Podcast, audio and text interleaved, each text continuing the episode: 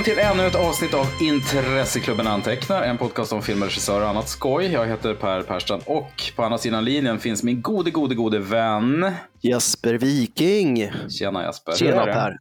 Ja men det är bra. Mm. Lite vemodigt nu när vi har lämnat uh, oktober, eller ja. oktober bakom oss. Mm, jag vet. Uh, du är full gång med Noirvember då, utgår jag från. Noirvember. vet du, jag börjar bli lite less på att liksom höra om Kiss Me Deadly och Kvinna utan samvete varje november. Mm. Det känns som att det behövs en alternativ. Typ, jag var lite inne på, skulle man inte kunna göra någon sån här uh, watchlist-utmaning bara kring filmer som har ordet no? Ja, typ Dr. Dr. No. no, No Country for Old Men, No, no Way Out. Ja, just ja. det. Skulle kunna vara ett alternativ kanske till att liksom damma av de här noir-boxarna mm. år ut och år in. Det är en bra idé. Jag är, eh, lyssnare får gärna höra av sig om de är peppade, för då sätter jag ihop en eh, novemberlista. Ja, men jättebra. Som man kan bocka av. Liksom. Den elfte filmen i varje regissörs CV, liksom, eller sådana grejer. Ja, precis. precis. Filmen som var utspelas i november. Ja, mm. blir, man, man, kan hitta på lite alternativ grejer. Jag har ju som alltid någon slags, jag har ju köpt på mig en, en noir-samling på, i diverse reor på Indicator och Eureka och så vidare. Många import Blu-rays. Ja, många blev det ju. Mycket härligt tull blev det. De står ju, det är jätte, jättefint i hyllan. Sen har jag inte jag sett så många, för jag tänker så här, jag ska se dem i november, men när jag, när jag väl är klar med oktober, då orkar man liksom inte. Sen, jag tror också att det blir inte riktigt, det, det, det som är kul med november är att vi är flera som kör, man, man kollar varandras våra kompisar Martin Frostberg och Martin Degrell till exempel har ju varit väldigt idoga och gjort, verkligen sett en film om dagen, lagt upp recensioner på både Letterboxd och Instagram och Martin har lagt på, på sin sajt och martindegrell.com. Men det blir ju snack om dem, för någon ser om eh, en film eller du vet, nu har ju de sett rätt obskyra filmer, men så fort man kommer lite djupare på noir, då, om det är någon Dan Durea-film från 41 som inte så många har sett, så det blir ju inget, det blir inget snack om det riktigt. Det blir mest bara en redovisning. Det här har jag sett. Det blir för smalt, är väl vad jag ville komma fram till. Mindre engagemang. Precis, och det är inte färre bra. Färre klicks, färre likes. jag vill ha många klick på min Instagram, annars är det inte värt det. ja. ja, nej, nej. Fast mina, mina uh, oktoberinlägg snittar på så 23 likes, så det har inte varit någon riktigt stor succé. Kan du inte lyfta några highlights här? I, bara så att jag har jo, men koll. absolut. Jag trodde aldrig jag skulle hinna se en film om dagen. Men det blev ändå 20 filmer i slutändan, vilket jag är rätt, eller väldigt nöjd över ska jag säga.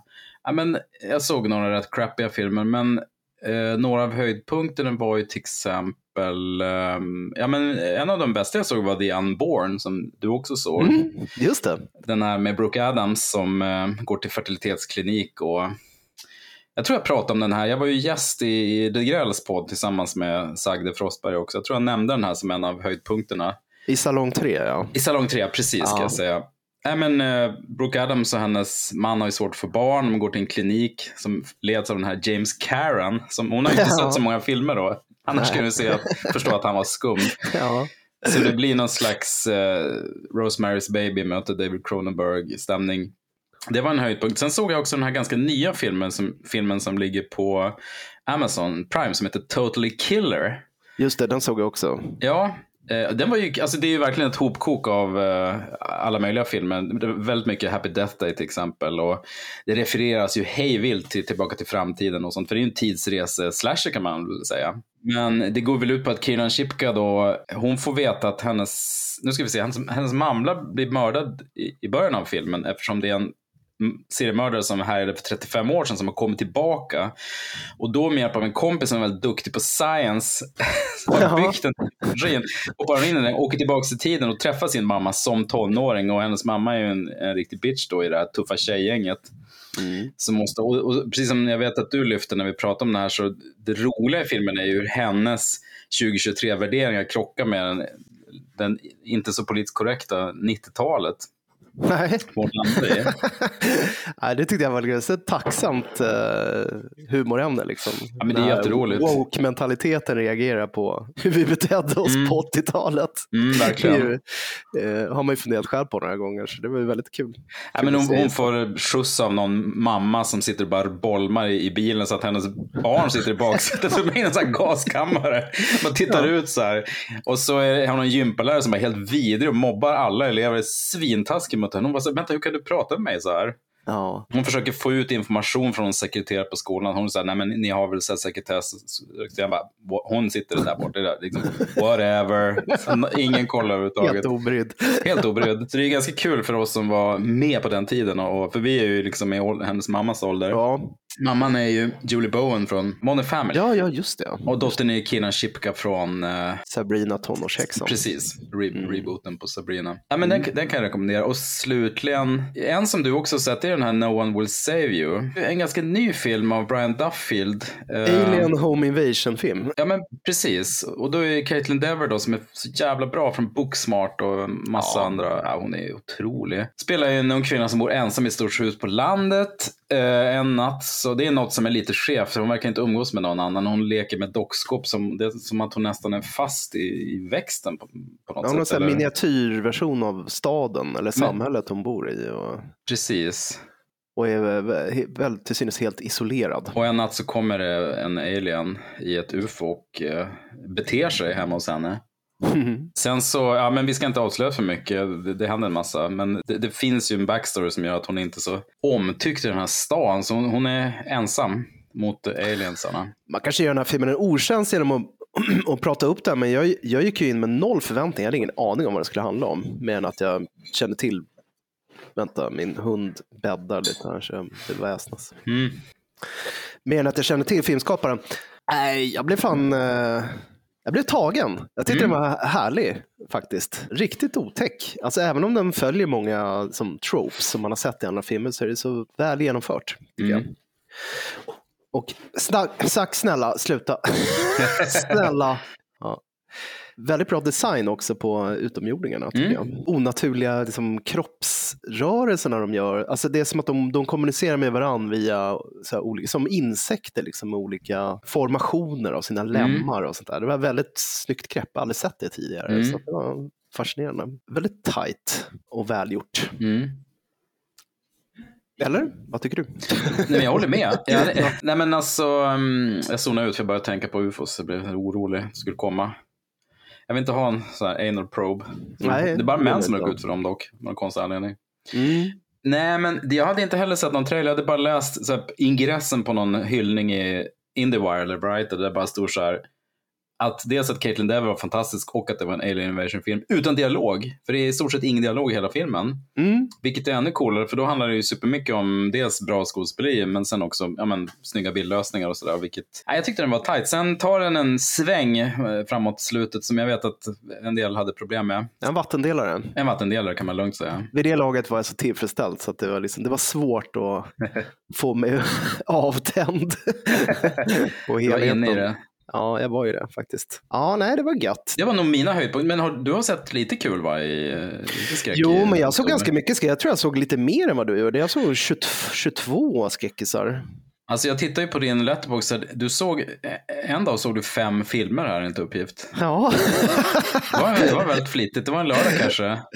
men det är inte det. Det är också så här fördelar med, för att jag bestämde mig för att i år ska jag liksom grotta ner mig i så här gamla Universal eh, klassiker. Mm. Universal monsterklassiker. För det finns ju en drös filmer. Man har ju sett alla de här, ja men du vet de stora Hallmark. The Wolfman och Creature from Ja, Black Lagoon och Dracula. Precis, de exakt. Men sen så finns det ju i regel så fem, sex uppföljare till, Mm. till var en av de filmerna. Mm.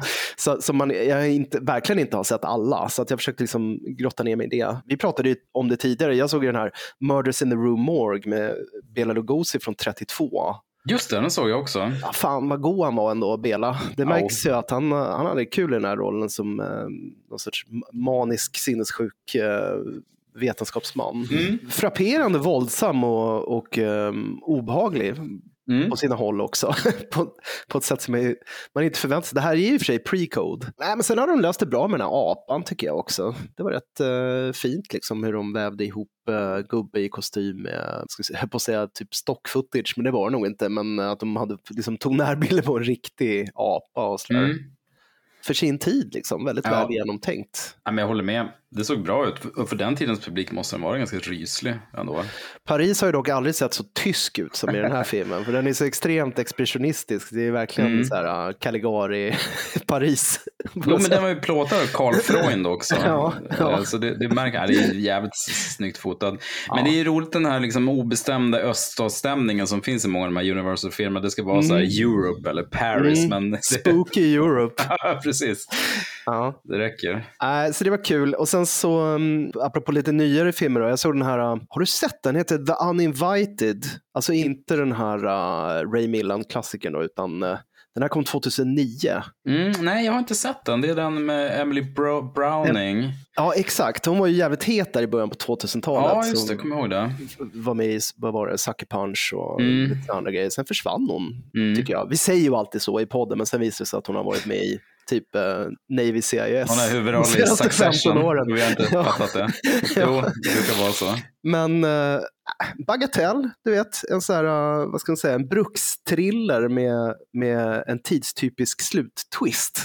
Härligt. Som jag tyckte var ganska god ändå. Så David Strathairn spelar ju äh, hennes Åh, vad härligt. pappa då som är enkeman. Alltså det handlar mycket om hur, hur eh, Emily Mortimers rollfigur, hennes stora syster liksom börjar misstänka att deras styv, onda styvmor som då var privat sjuksköterska åt deras mor mördade deras mamma för att liksom kunna gifta sig, nästla sig in och gifta sig med deras eh, pappa. Så det är en sån här evil stepmother Mm, ja, men det är härligt. eh, story och eh, det är ju ehm, Elizabeth Banks som spelar boven och hon är ju också alltid kalas att titta på. Så att, jag tyckte den var, tyckte den var riktigt mysig faktiskt. Den kan jag nog rekommendera som en så här bra liten, man vill säga en liten mysrys rulle, The Uninvited från 2009.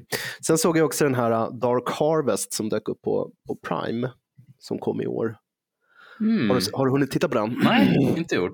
Dark Harvest handlar är ett samhälle där de har en årlig ritual på halloween att byns unga män måste de måste jaga typ Jack Skellington ute i fälten. Det dyker upp en så här pumpa-figur Mm. som, som de måste hindra från att ta sig till byns kyrka innan midnatt. Så de måste, de måste ha ihjäl den här uh, pumpagubben då Mm. innan han lyckas med det för att de ska få ja, men lycka och välstånd och en bra skörd. Alltså alla Wickerman kan man säga. Så det är ett mysterium kring det.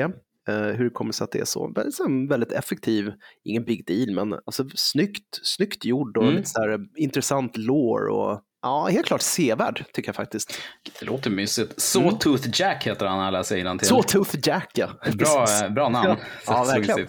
Ja, den kan man väl också tipsa om om man har missat den på Prime. Men sen så var, jag såg jag om lite grejer också, typ The Invisible Man som är typ en av mina absoluta Universal Monster-favoriter. Jag älskar ju Claude Rains. Ja. Hans liksom, röstskådespeleri i den är ju helt Åh. fantastiskt. Och Mm. James Whale var ju grym, alltså. han hade ju sånt fantastiskt sinne för Man ser många av hans filmer på raken nu som jag gjorde. Vi såg ju om eh, Frankenstein också, jag såg om The, The Old Dark House Mm. som han gjorde. Det är ju mycket så här, uh, han älskar ju så här tokiga eh, värdshuskärringar som eh, fyllnar till och är liksom allmänt eh, hysteriska. Det, tycker han det tyckte han var väldigt roligt. Det är vet, uppenbart. Men de är ju så jävla snyggt gjorda och mycket roligt. Framförallt The Old Dark House är ju så här. Du vet en sån här film som folk alltid säger så här, åh det är hans bästa film bara för att den är så obskyr. Mm. Men den är faktiskt väldigt, väldigt bra. Och eh, Melvin Douglas är ju en sån härlig liksom, blasé vivör, liksom en första världskrigsveteran som inte bryr sig om någonting. Och Ernest Tessiger också, som var med i Bride of Frankenstein, som Dr. Pretorius är med i The Old Dark House också. Så Mm. mästerlig skådespelare som man här, varför gjorde han inte mer film? Förmodligen fick han väl inte, eller så var han inte intresserad, han kanske var med teater, skådis. Ja, nu sitter jag bara och spekulerar. Ja, man kan ju se många av de där filmerna bara för uh, rollinsatserna, för att det, Ja. var, det var så härliga, magnetiska skådespelare på den tiden. Mm, mm. Med så eh, extremt yviga gester och ändå var så pass övertygande och underhållande. Mm. Det ser man inte mycket av idag. Måste se. Jag har inte sett den. Jag måste se den. Ja, men gör det. Mm. Du kan låna den mig, jag har den, jag har den på Blu-ray. Ja, men du skrev det, du har den här fina Eureka-utgåvan. Ja, exakt. Ja. De har ju, Härligt. jag har en fin sån här Lugosi-box, tre Lugosi-rullar på. Jag tror det där jag såg plocka Murders in the Room Morgue. De har ju en del ganska fina sådana skräckutgåvor. Mm. Härliga. Visst är det så. Men du, Mm. i förra avsnittet när vi pratade med Johanna Holmin, då, då, då gjorde vi ju liksom någon sorts bokslut över månaden, kan man väl säga, med det Mm. skräcktemat och sådär. Men nu i november, då är det ju faktiskt Stockholm Filmfestival. Just det, det är det. Och de har ju eh, ett segment, ett stående segment i sitt program som heter Twilight Zone. Just det. Där de eh, lyfter fram skräck eller obehaglig film eller eh, vad ska man kalla det? Ryslig film av diverse slag. Ja, men precis, jag tror inte det är så uttalat att det måste vara just så här clean skräck. Men, Nej. eh, men den typen av, ja, men som du var inne på, genreöverskridande, liksom, obehagliga thrillers och, och annat som inte... Mm. Filmer som får någon må lite, må lite dåligt, höll jag på att säga. allmän feel bad. Ja. Helt enkelt. Så vi har ju haft förmånen att få förhandskika på några filmer ur deras Twilight Zone-segment och vi noterade att det är eh, ganska många filmer där som är gjorda av kvinnliga filmskapare. Mm. Och det är alltid vanskligt att prata om kvinnliga filmskapare för att Ja, för det första så blir många irriterade direkt bara man lägger till ordet kvinnlig framför filmskapare, vilket Mm. är förståeligt. Men samtidigt så kan man ju också se värdet i det av att lyfta fram en minoritet i en uh, cismansdominerad genresfär. Ironin går inte oss förlorad att vi sitter två snubbar här nu, två cis-snubbar och pratar om kvinnor i skräck och, och icke-binära i skräck och så vidare. Men Ja. eh, vi, vi tar oss helt enkelt den, den friheten. Det gör vi. Det finns många skräckfilmsregissörer som råkar vara kvinnor, men de är ju i minoritet. Eh, Det går inte att komma undan. Ja. Och jag tänkte i många, många år så, så trodde jag att, så att ja, det finns för typ bara en och det är ju Mary Lambert som gjorde Mm. Pet Sematary. Och, och två. Hon, jag kommer ihåg när vi, eftersom vi kollar en skräckis varje söndag, vilket trogna lyssnare väl känner till vid det här laget, såg vi den här uh, Urban Legends Bloody Mary, kommer du ihåg den? Just det. jag tror just det var den tredje i Urban Legends-sviten, eller om det var fyran kanske rent av. Ja, det var också Mary Lambert kom jag på.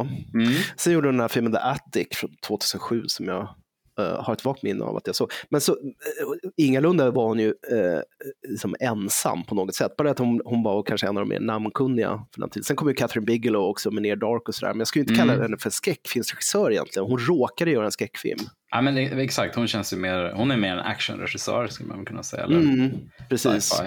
Men sen tänker jag på senare år, jag menar Titan till exempel, kan vinnaren här för ett par år sedan. Julia Av, Ducournau, ja precis. Exakt, och Mm. hennes Raw är ju också en fantastisk skräckfilm. Så hon har ju verkligen gjort sig ett namn. Och sen så, man har ju också pratat många år om, om ehm, Jennifer Kent och hennes Babadook då. Mm. Och eh, nu har inte jag sett hennes senaste, den här The Murmuring, men det har du gjort va? Som kom förra året. Precis, det var ju en av de här Guillermo del Toro-filmerna va. Den var fin, det var, eh, ja, ska man säga, eh, slog väl, eh, det måste bli ärlig, Helt ärligt kommer jag inte ihåg mycket av den, så det kanske inte var en enorm film. Men jag har för mig att det var lite som Babadook, att det var, det handlar i grund och botten liksom om, om sorg och saknad som tog sig spöklika uttryck. Men den var, den var väldigt fin. Jag tror, jag tror faktiskt det var den och The Autopsy som jag tyckte var de bästa i den här klumpen. Mm, För mm. alltid när det är antologirullar så är det några som är ojämna.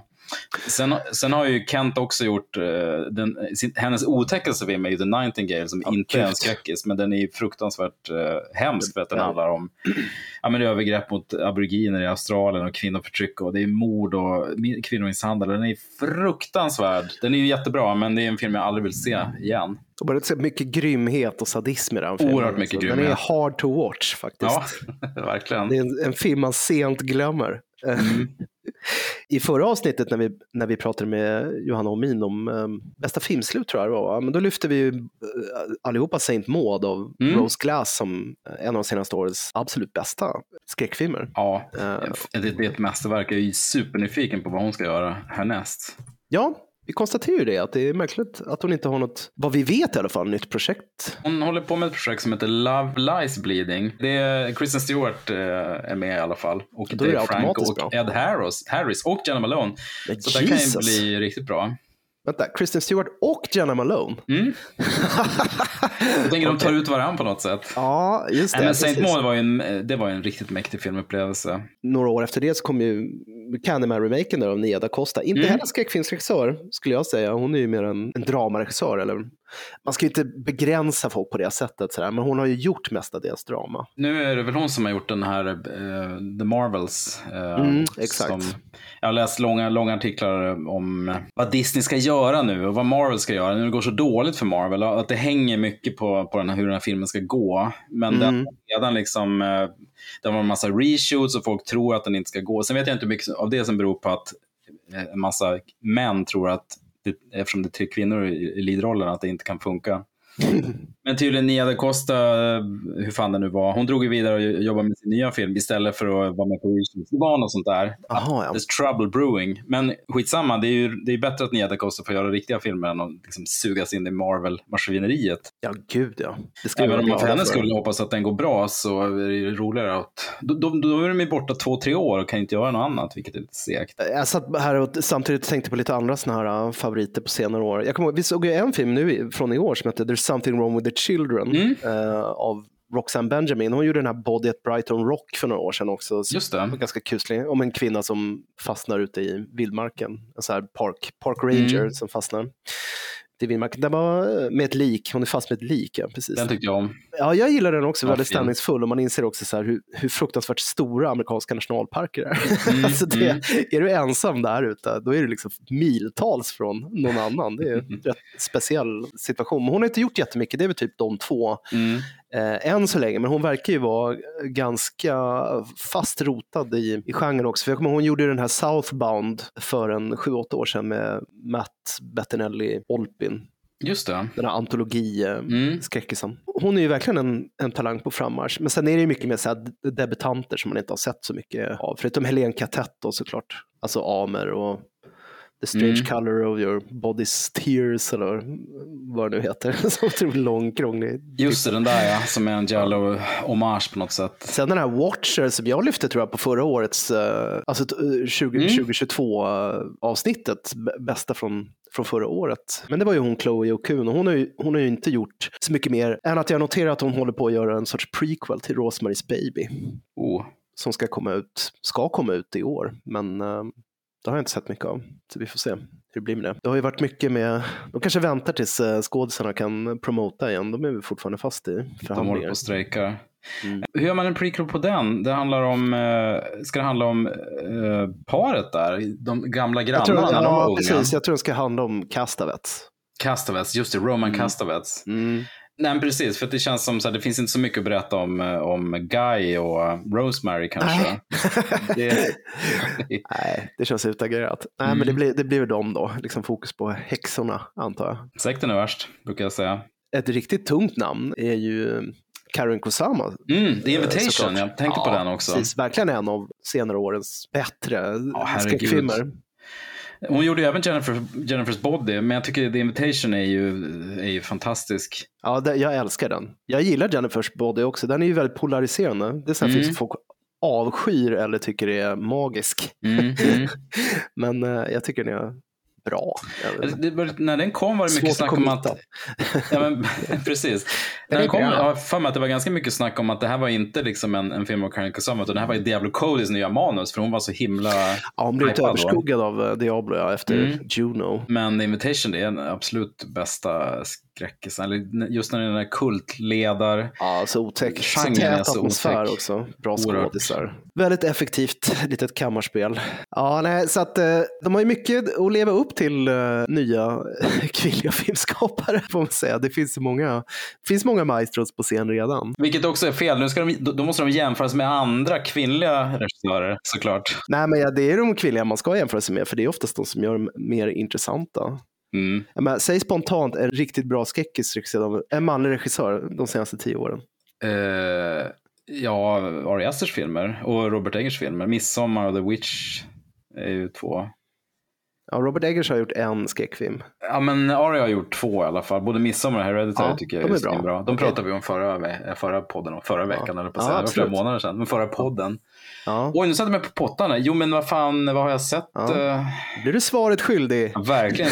Rikt- ja, nej men, eh, nej, men ska jag, ja, nej men det alltså senaste åren det är ju Saint Maud till exempel. som en kvinnoregissör som är, som är ett mästerverk. Eh, Titan, återigen, svinbra. Ducournau. Ja, I rest my case. Men du, innan vi pangar på med de nya filmerna så så jag tänkte snabbt lyfta två nordiska regissörer. Dels Hanna Ja. Bergholm som gjorde den här Ruva, eller Hatching. Den finska filmen som du eh, Precis. pratade om på Precis. också 2022 Ja, jag hade med den på årsbästan. Det, det, han, det är ju en, eh, verkligen en, en coming of age-berättelse med någon slags skräckfågel som metafor för pubertet. Lite Carrie-aktigt, Den- om man nu ska hålla på och analysera. Den var, den var riktigt bra. Och sen en film som jag, jag vet inte fasen om den är släppt än, men det är den här norska filmatiseringen av eh, Hanteringen av odöda, alltså Ajvides bok, Ja, eh, Handling the. Undead. Den görs av eh, Thea Twistendal, nej förlåt, Thea Wistendal, norsk regissör. Jag tror inte att den här har gått upp än i, nå- i något sammanhang. Hon har ju bara vad jag förstår gjort eh, kortisar förut, så det är ju också jättespännande. Ja, det är spännande. Den här filmen har man ju längtat efter i flera år. Ja, vad kul. Hanteringen av udöde. Ja.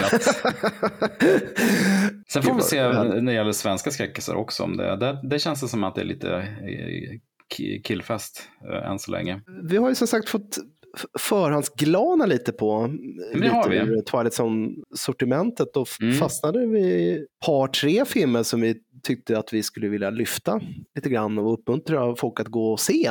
Mm. Och det, det som kan nämnas innan vi drar igång det är att ah, samtliga de här filmerna är långfilmsdebut. Ja, jag noterade är- också det. Det är jätteroligt. Det är väldigt så. kul. De har ju gjort, flera av dem har gjort kortfilmer, en musikvideos, tv-serier och så vidare. Så det är inga duvungar. Men flera av de här är så otroligt säkra. Så att det det är mäktigt att det ändå är långfilmsdebuter. Nej, men vi skulle kunna öppna med att tipsa lite om en film som he- heter The Lost Children eller Les Enfants Perdus Mm. Av Michel Jacob, en belgisk filmskapare.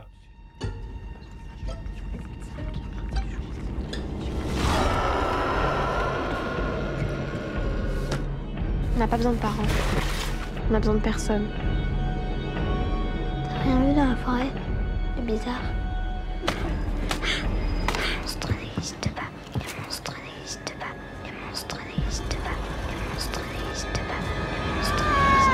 I denna nervkittlande berättelse får vi följa Audrey och hennes syskon som spenderar sommarlovet ute på landstället med sin pappa.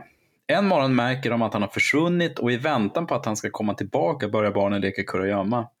Men leken avbryts tvärt när Audrey hör en barnröst bakom en vägg. Snart börjar barnen inse att pappan inte kommer att återvända och att de behöver klara sig själva i det kusliga huset. Tänkte lite grann på eh, en film vi snackat om, den här Eskil Wågt-filmen, De, de oskyldiga. Oskyldiga, ja. Mm. Eh, Jämförelsen haltar lite grann. eh, Därför att här, det var ju barn som på något vis hade psychic ability som det heter på svenska. Mm. Det här är ju vanliga barn så att säga, men de, de har också dealat med någon slags, som ett stort trauma. Ja, man ska väl öppna med att säga att det som verkligen sticker ut i den här filmen är ju att skådespelarna är lysande. Alltså jag tyckte, Otroligt. det i, hela filmen är ju bara fyra barn i Mm. princip, som bär hela filmen. Och det gör Ja. de ju verkligen. Det är väl regisserade barn helt enkelt. Om man ska ta ifrån dem deras agens. Ja, men det sägs ju att om, om barn är bra på film så ska man credda regissören. Eller dels ska man credda castingen då förstås. Men Ja. man ska också credda att det är bra personregi. Nej men det är, det är, de är fantastiska. Jag tror två av dem är, är, är syskon i verkligheten och så är det två till. Men Mm. de har jättefint samspel och eh, Michelle Jacob har ju skrivit manus också. Jag tycker hon fångar så fint dynamiken mellan, eh, mellan barnen och hur, hur barn beter sig, även vuxna beter sig. Man, när man, man blir rädd för något och så anklagar man det andra barnet. De, de, de, re, de liksom mobbar varann och håller på. Alltså, dynamiken mellan stora syskon och småsyskon och så vidare. De ser också väldigt, väldigt franska ut. Ja, jag vet. På något sätt. Det är risk för att låta som Mengele här, men de har ett visst utseende. Det är väldigt, väldigt vackra, liksom. vackra barn. Men, eh, Jag försöker vända på det. De, de är vackra, de är vackra. ja. Men inte det, ariska eller? Ja, ja precis. Eh, Men, ett rent eh, estetiskt plan alltså. jag ska beskriva det som en mörk saga Ja. eh, om syskonkärlek och förträngning. Helt enkelt. Ja, verkligen. Utsökt plåtad dessutom. En jätte, jättevacker film. Snyggt, effektfullt skildrat. Ja. Allting. Och för tankarna, för mig framförallt till Pans labyrint. Just det. Alltså i tonalitet och utseende och metaforbruk. Och, Mm. nej, jag tyckte det var en fängslande film. Mm. Väldigt, eh, väldigt gripande. Ja, men jag håller med. Det är nästan så att vi får stanna där för att Mm. man ska inte avslöja för mycket mycket om vad som händer i filmen. Men jag tyckte också att den var läskig bitvis, men också väldigt fin och rörande. Och som sagt, de här barnen är ju trovärdiga till 100%. Jag har inte sett trailern på den här filmen, men jag skulle nästan rekommendera att inte läsa på något mer utan bara gå och se den. Jag har inte sett uh, trailer på någon av de här filmerna. Faktiskt. Jag gick in väldigt så här, kall Mm. i allting, vilket är härligt. Liksom. Man borde göra det oftare. Men med det sagt, jag ser väldigt sällan trailers nu för tiden. Det var ju verkligen en, så här, en del av ens vardag. För, jag, nu talar jag för mig Ja. själv. Man kilade in på apple.com slash Mm. trailers. Just och så kollar, det ska ju vara HD givetvis. Ja. Och så dök det alltid upp någon mumma. Liksom. Men jag blev så lite avtänd på det här med trailers för att när det började komma den här olycksaliga tre- trenden att man skulle ha teaser-trailers och sen blev det helt plötsligt teasers för teaser-trailern. Ja, det, det skulle byggas upp ett år i förväg. Jag hoppar av tåget där. Nej men samma här. Jag brukar se på bio ibland. Och sen ibland om en eventrulle, typ när eh, på, på jobbet, när dels den nya Dune-trailern kom, så kollegor bara “Har du sett trailern?” blir man tvungen att säga. Uppföljaren. Den, har, den blev framflyttad. Jaha, är den framflyttad? Den kommer ju nästa säsong tror jag. För att eller inte kunde promota den då, eller? Ja, jag tror det var en sån strejkfilm. Strejkgrej, ja. Mm. Ja. Och jag vet inte om du såg det, men Mission Impossible nästa är ju flyttat ett år. Den, är den kommer ju 2025 nu. ja, Jag blir ledsen på riktigt alltså. Ja, jag förstår det. Ja, Jag såg ju den häromdagen, apropå ingenting. Det var Mm. ju, eh, eller apropå någonting, det var ju, eh, alltså den här eh, tågvagnssekvensen var ju, det var hisnande. Ja, den är fin. Det var länge sedan jag såg något motsvarande. Jag var Mm. helt kall, så jag har ju sån höjdskräck också, så jag fick ju så svettiga handflator. Mm. Vet du vem som inte har höjdskräck? Tom Cruise. Ja, det ska vi vara glada för. Han, han behöver, han, he, he feels the need, the, sne- the need for speed and heights. Nej men alltså det, jag tyckte den är härlig. Den är ju ganska töntigt hela den här AI-plotten med... Jag tänkte på den här filmen, vad heter den? Eagle Eye med Shia LaBeouf. Bara det att det är Ja, typ just det. eh, en elak AI istället för en snäll. Så, annars var det i princip Mm. samma story. Ja, nej, men, eh, vi, vi hade ju sett en liten skandinaviskt bidrag också, Mm. vilket var skoj. En dansk film. Ja precis, Superposition av Caroline Lyngby. Jeg synes, at vi bliver nødt til at redefinere projektet. Det forstyrrer mig rigtig meget, at vi potentielt ikke er alene herude. Nemo! Nemo!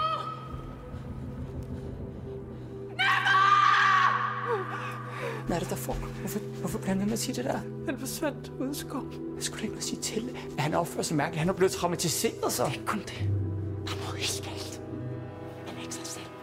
Det kreativa paret Stine och Treit. Nej, Tate hette han väl? Tate, ja. Jag tror han Precis. hette Tate. Flyttar från det hektiska Köpenhamn till idyllen och tystnaden i skogen i Sverige tillsammans med sin son Nemo. De hade inte sett midsommar och vet vad som händer när man flyttar till skogen i, i Sverige. Ja, eller uh, vad- heter den här, när de vandrar Kungsleden? Ja, just det. Fast det är i Bukarest eller vad fan det Ja. var. Ja, men vad Det heter var ju midsommar också. faktiskt. Jo, jag vet. Jag vet. Inget är i. Sverige. De dokumenterar flytten och den nya tillvaron i en podcast och hoppas på att finna en nytändning, både till livet och till varandra. Mm. Så en dag försvinner Nemo i skogen. När han återfinns är han som förbytt och rädd för sin mamma. Snart börjar omgivningen bli allt mer obehaglig och paret tvingas konfrontera både varandra, sig själva och sitt förflutna för att inse vilka de egentligen är. Ja, Det är ett väldigt bra upplägg. Två liksom stressade storstadsmänniskor. Det är lite knakigt i förhållandet. Det, det, det har hänt någonting. Liksom. Det har funnits en kris. De flyttar ut och så ska de spela den här podden. Och dynamiken mellan dem är redan tidigt etablerades i att han vill att det här ska vara en helt sanningsenlig podd. Så då måste de börja prata om obekväma saker också. en eloge till, eh, till skådespelarna, alltså Marie Bach Hansen och Mm. Mikkel Bo Fulsgaard, att de lyckas göra de här rollfigurerna sympatiska. För jag håller med om att i början så tänkte jag så här, åh vilka klyschiga, jobbiga narcissister. Så Ja, men de, de säger det själva också. Ja. Är vi inte lite narcissistiska? Jo, de är så jävla självgoda. De är så Inte så nöjda med det här. Nej, Ja. precis. Vi är inte som alla andra. Vi ska fly stan och leva liksom, i naturen. de lyckas ju göra människor av de här två. Ja, alltså, de det svinbra. väl, väldigt skissartade såna här uh, typ storstads-hipsters. Mm. De är som plockade ur, uh, kommer den här serien Stockholms natt av uh, Stefan Tungren och uh, Just det. Pelle Forshed. Mm. Mm. De är ju precis som dem, men, Mm. men ändå så uh, kommer liksom människorna fram på ett, på ett väldigt övertygande sätt. De är, de är ett väldigt trasigt par Mm. själsligt rådvilla. Den här filmen har ju också en story, vi ska inte avslöja för mycket här, men det, Nej. finns ju, eh, det finns ju liknelser till andra filmer som har kommit på senare år som är, Ja. är oerhört eh, effektiva också. Även om jag tycker att just den till synes övernaturliga twisten i den här filmen inte är det primära, utan det är snarare det här liksom etisk-moraliska dilemmat Mm. som de ställs inför i Mm. sista akten. som är, det är där eh, man får sig en, en sniting i mellangärdet. Det är en väldigt Men jag- intressant frågeställning vet, faktiskt. jag vet. Ha, vad hade man gjort Ja. i det här sammanhanget? Det, det är jättespännande. För, ja, men som du säger, det påminner jättemycket om en väldigt bra skräckis som kom för några år sedan. Men jag vill inte säga vilken det är. Nej. Men där den filmen tog det här konceptet och gjorde något väldigt läskigt av det. Så, så den här, det, det sker ju halvvägs. Sen är ju resten av filmen, precis som du säger, så här, hur, hur hanterar man det här?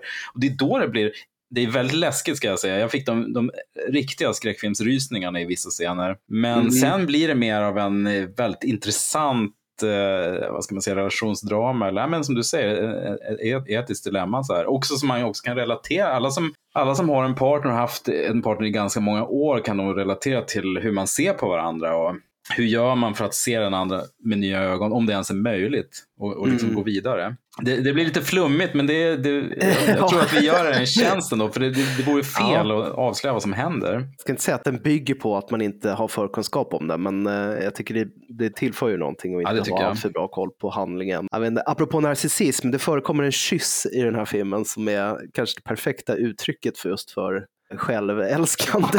Ja, väldigt snyggt. Jo, Snygg detalj faktiskt. Nej, så, eh, jag var väldigt imponerad av den här. Mm. Återigen liksom en debut. Det var ju, ehm, jag kommer följa ehm, svinbra. Eh, Caroline Lyngbys karriär med, med ehm, uppmärksamhet. Ja, verkligen. Det ska bli jättespännande att se. Det, var, det var, ska sägas avslutningsvis, det är en ganska jobbig film att se om man är man, för det är ganska avklädande kan man väl säga. Man känner sig synad. Ja, verkligen. Härligt sätt. Mm.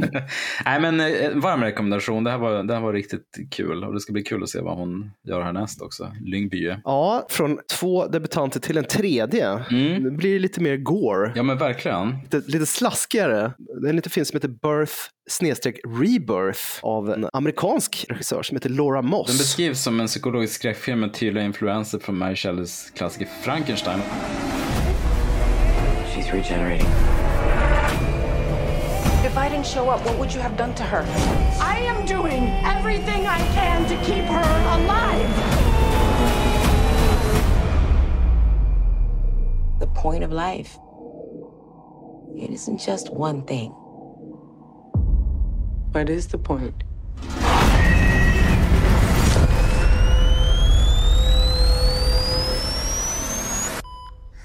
Patologen Rose och sjuksköterskan Silis vägar korsas när Silis sexåriga dotter Laila dör. När hennes kropp försvinner från sjukhuset misstänker Silly att Rose har med bortförandet att göra. Rose har nämligen ett maniskt projekt i att försöka återuppliva döda. Mycket riktigt hittar Silly sin dotter i Rose lägenhet där hon gör ett experiment kring att återuppliva Laila. Är det här avslöjat för mycket egentligen? Står det i synopsis så Ja, då är det ju då är det så. Alltså det är ju ehm, ja, det är intressant, man skulle likna det med Frankenstein. Det känns ju självklart eftersom det har att göra med att um, återskapa liv. Även Mm. om jag spontant när jag såg den tyckte att den hade mycket mer gemensamt med Reanimator. Ja, faktiskt. Jag håller med. Eh, för att hon, Seeley, hon är ju verkligen som Herbert West. Mm. Alltså Jeffrey Combs rollfigur. Alltså för manisk, besatt av att, eh, det kan man ju säga om Baron Frankenstein också, givetvis. Det är ju en, en parafras på Frankenstein. Allting bottnar ju där. Det är ju Mm. Väldigt övertygande, återigen, jag tycker de här två, alltså skådespelarparet i, i eh, centrum då, alltså delvis hon... eh, Judy Ray- Race heter ju hon som var med i Scrubs. Hon som ja, är just det. Seeley. Nurse Carla. Just det, Carla, Vad ja. kul att se henne igen. Ja, jätteroligt. faktiskt. Hon är ju svinbra i den här. Jag visste att hon var en Svinbra. komisk begåvning, men jag hade inte sett henne i så mycket dramatiska roller tidigare. Jag tyckte hon var väldigt övertygande. Men hon, ehm, Marin Ireland, hon har gjort eh, mycket Precis. tv. Hon var med i The Boogeyman också som vi såg ganska nyligen. mm, Hon är väl den här kvinnan som är besatt i början av filmen, kan det stämma? det är hon som protagonisten Besöker, söker upp. just Det var det. den tidigare familjen som blev ansatt av den här Mm. Så var det. våldgästen. Hon är ju grym i den här filmen. Jag tyckte hon var jätte, jättebra. Jag tyckte också det var så fin character arc för båda två. Att den ena, för hon är ju så himla kantig och oempatisk medan Mm. eh, Reyes rollfigur är så omsorgsfull och sen så sakta men säkert så växlar de roller Mm, under mm, filmens gång mm. på något sätt som var väldigt elegant i manus tycker jag. Ja, Det här är inte en film man ska se om man tycker om gulliga grisar. nej. Eh, Jag var tvungen att pausa och, och ta en liten promenad Ja. faktiskt. Jag blev väldigt illa eh, berörd. Det är lite jobbigt. Det är också ganska mycket obduktionsscener och väldigt grafiska scener med ja, lik och mycket kroppsvätskor, operationer och sånt där. Mm. De- Mycket svart humor också. Ja, Väldigt rolig bitvis. Eh, så, om, om det är tycker- intressant för det är ju ingen skrattfest. Jag tyckte den var jättejobbig, fast på ett bra sätt. Alltså jag, jag, jag satt och tänkte, gör det inte, gör det inte. Men det gjorde Ja. de det. Ja, men det är sådana små ögonblick som är väldigt eh, präglade av väldigt mycket galghumor. Mm. Den här filmen för mig sticker ut eh, som en sån här eh, potentiell framtida pärla. Liksom att folk kommer komma tillbaka till den här filmen och, Mm. och, och lyfta den. Nu får vi se hur det går för Laura Moss här om hon får göra massa mer filmer. Men jag Hoppas har, det. hon har ju stor potential att, att bli ett namn, verkligen. Mm. Men apropå Reanimate, du har ju rätt. För Frankenstein handlar ju mycket om att leka gud och göra något som ingen gjort förut. Men Reanimator och även Djurkyrkogården, om vi ska nämna, apropå Mary Lambert, handlar om det här att inte kunna släppa någon man har saknat. Alltså, man kan inte acceptera sorgen över att en mä- människa är död, utan man, Mm. man ska försöka få den att leva igen. Men det Exakt. som vi lärt oss, vi har ju lärt oss, men aldrig någon i någon film, så blir det aldrig bra. Nej. man ska akta sig för det man ber om. Ja, men det är väl en Mm. kombination, både jävligt bra manus som sagt och bra skådespeleri, att även om båda de här rollfigurerna gör moraliskt oerhört tveksamma sa- saker så förstår man dem ju alltid, varför de gör det. Man, man känner ju för dem och med dem. Det var fint. Och, det, och den har väl liksom, det kan man säga ett övergripande tema egentligen för, för de filmer vi har sett ur det här festivalutbudet. Att man använder också, apropå filmer som vi lyfte tidigare i början av avsnittet, av andra filmskapare är liksom ofta att man använder, det här har i och för sig alltid varit sant, att man använder skräck som en sorts metafor för någonting, men det är ofta sorgehantering eller Mm. hur man hanterar ett, ett trauma. Och klon i det hela är ju att inte väga in för tungt i det så att det skrivs sen på näsan. Det här är ju filmen som balanserar på rätt sida om den gränsen. Det är Ja, det som precis. för mig gör en skräckfilm eh, effektiv och minnesvärd. Förutom en massa jump scares så går det såklart, för det vill man ju alltid ha. Livets vatten. Ja, det är löken på laxen så att säga. Nej, så det var väldigt härligt. En varm rekommendation att gå och se Birth Rebirth också. Ja, det tror jag riktigt, kan, riktigt kan bli lite av en, en snackis. Det tror jag. Det fanns mycket annat uh, gött där också som vi helt enkelt själva får gå och se på festivalen. Det blir ju bland annat den här Late Night with the Devil av, det är väl Just något regissörspar va? Cameron och Colin Cairns. Mm. Den fångar mitt öga för att David Dastmalchian spelar huvudrollen. Han är ju alltid väldigt bra. Och Den- den verkar ha någon sorts härlig så här 70-tals... Precis, den är man klart så god. Nej men han, Dust Malkin, han är ju han är överallt nu för tiden. Mm. Han hade ju en tung roll i den här uh, Last Voyage of the Demeter. Jag vet inte om du har sett den? Nej, jag har fortfarande inte sett den. Jag ska se den. ödesmättad film. Som alla filmer där man vet hur det kommer gå. Men Är det bra så funkar det ju ändå. slutet är ingenting, det är resan som är allt. Nej, och sen så fanns det lite annat. Det var en del, lite flera sådana här, det var någon annan satanfilm tror jag. Ja, men den här Satan- Wants You, Steve Adams och Sean Horlor, är väldigt sugen på. Men det är en dokumentär va? om Precis. just eh, den här satanistskräcken som uppstod där under, i vår barndom kan man säga. Det var Ja. då det var. Precis, det här minns man ju lite vagt. Nej, men det handlar om 80-talet och en bok som heter Michelle Remember som skulle skildra då, liksom, sataniska övergrepp. Och mediastormen kring den. Och, ja, men jag minns ju det här hå- hårdrockshysterin också. Mm. Hur farligt det var. Ja, Så- när man, när man satt och spelade alla skivor baklänges för att hitta dolda budskap och sånt där. Mm. Det var gött. Kill yourself, suicide is good. Sen eh, är det någon neoslasher också från Litauen va? som heter Mm. Pensive av Jonas Strukanas. Mm. Eh, Mord i de litauiska skogarna är underrubriken på den. Den verkar också väldigt eh, intressant faktiskt. Eh, den kommer jag nog eh, gå och titta på. Jag är ju, till skillnad från Johanna Holmin, en, en vän av slasherfilmer. Ja, det var underbart att ha henne som gäst. Men hon, hon var Ja. lite njugg mot slashers, det måste vi säga. ja, Det är faktiskt begripligt. Det är begripligt. det är- Eller också, hon, hon behöver se fler som blir så här avtrubbad som vi är. Ja. Man börjar bara titta på fel saker. Det var ett par snygga Nike-dojor i den där filmen. Ja, Den var bra. Kort, kort, korta Adidas-shorts. Ja, det Det är, räcker. liksom, det är en, räcker för en automatisk trea på Letterbox för mig. Sen kan det bara gå uppåt. Man börjar på trean direkt. Där. Nej, jag vet. Det är vi som får Ja, nej, så det finns mycket mumma här i, Mm, i eh, Twilight Zone och även i det övriga programmet givetvis. Man får inte glömma, eh, de frontar väl med eh, Lantimos nya rulle va? med Emma Poor Stone. Things, precis. Jag har ju Mm. haft för mig att- sett den faktiskt. Och jag kan bara skriva på att den är fantastisk.